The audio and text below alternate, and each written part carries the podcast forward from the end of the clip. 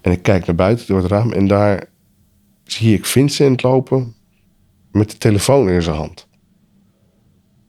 Loopt gewoon midden in de nacht in de boomgaard te bellen. Twistappels. Een podcast van Kansi door Babylon Audio Collective. En ik ga heel stil terug naar mijn kamer. Ga weer in mijn bed liggen. En op een gegeven moment komt Vincent erbij. Hij kruipt naast me in bed. Hij gaat liggen en valt in slaap en ik zeg niks en lig gewoon klaar wakker de hele nacht naast hem. De volgende ochtend. ehm, Vincent wordt wakker, staat op, gaat naar beneden. En ik zeg dat ik nog even blijf liggen. En het enige wat er door mijn hoofd gaat is bellen in de boomgaard. Dat is wat hij met mij altijd deed toen hij met Selin was.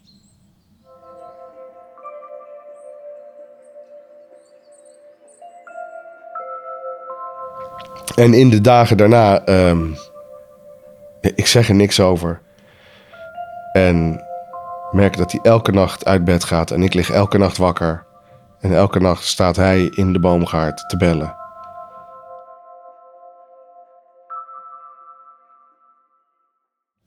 Ik lig weer klaar wakker in mijn bed en wacht tot hij naar buiten gaat.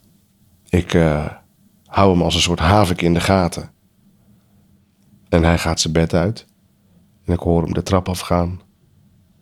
De keukendeur naar de tuin open doen. En naar buiten lopen.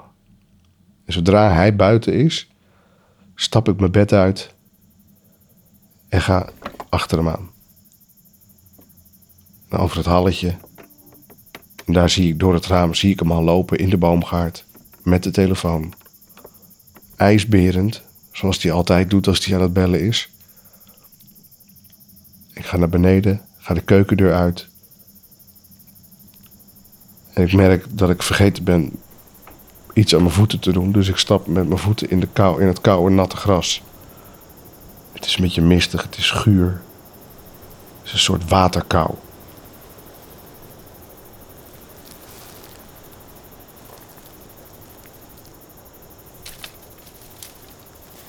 En heel voorzichtig probeer ik stap voor stap dichterbij te komen. En ik loop eigenlijk van appelboom naar appelboom. En op een gegeven moment ben ik dichtbij genoeg dat ik hem hoor zeggen: Ja, liefje, het spijt me.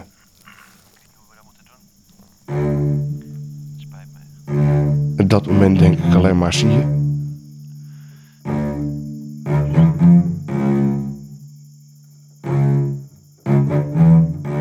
Hij belt dus met een ander s'nachts.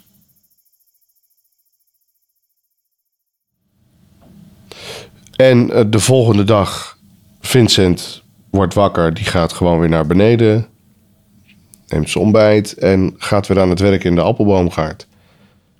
Ik douche niet, ik loop gewoon naar beneden, ik ontbijt niet en pak meteen de telefoon en zoek in de belgeschiedenis naar het nummer dat hij heeft gebeld afgelopen nacht. En als ik het nummer zie, ben ik verbijsterd. Ik herken het meteen, maar ehm, ik snap het niet. Doe de keukenla open, ik pak de sleutel van zijn oude huis. En vlak voordat ik er ben, stop ik.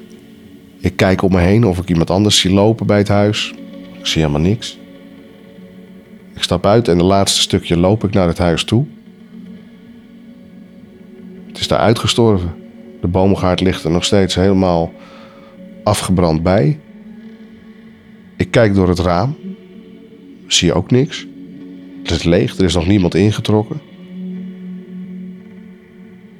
Ik probeer de sleutel op de voordeur, die past gewoon en de deur gaat open. En het hele huis is gewoon leeg en er staat niks behalve één telefoon.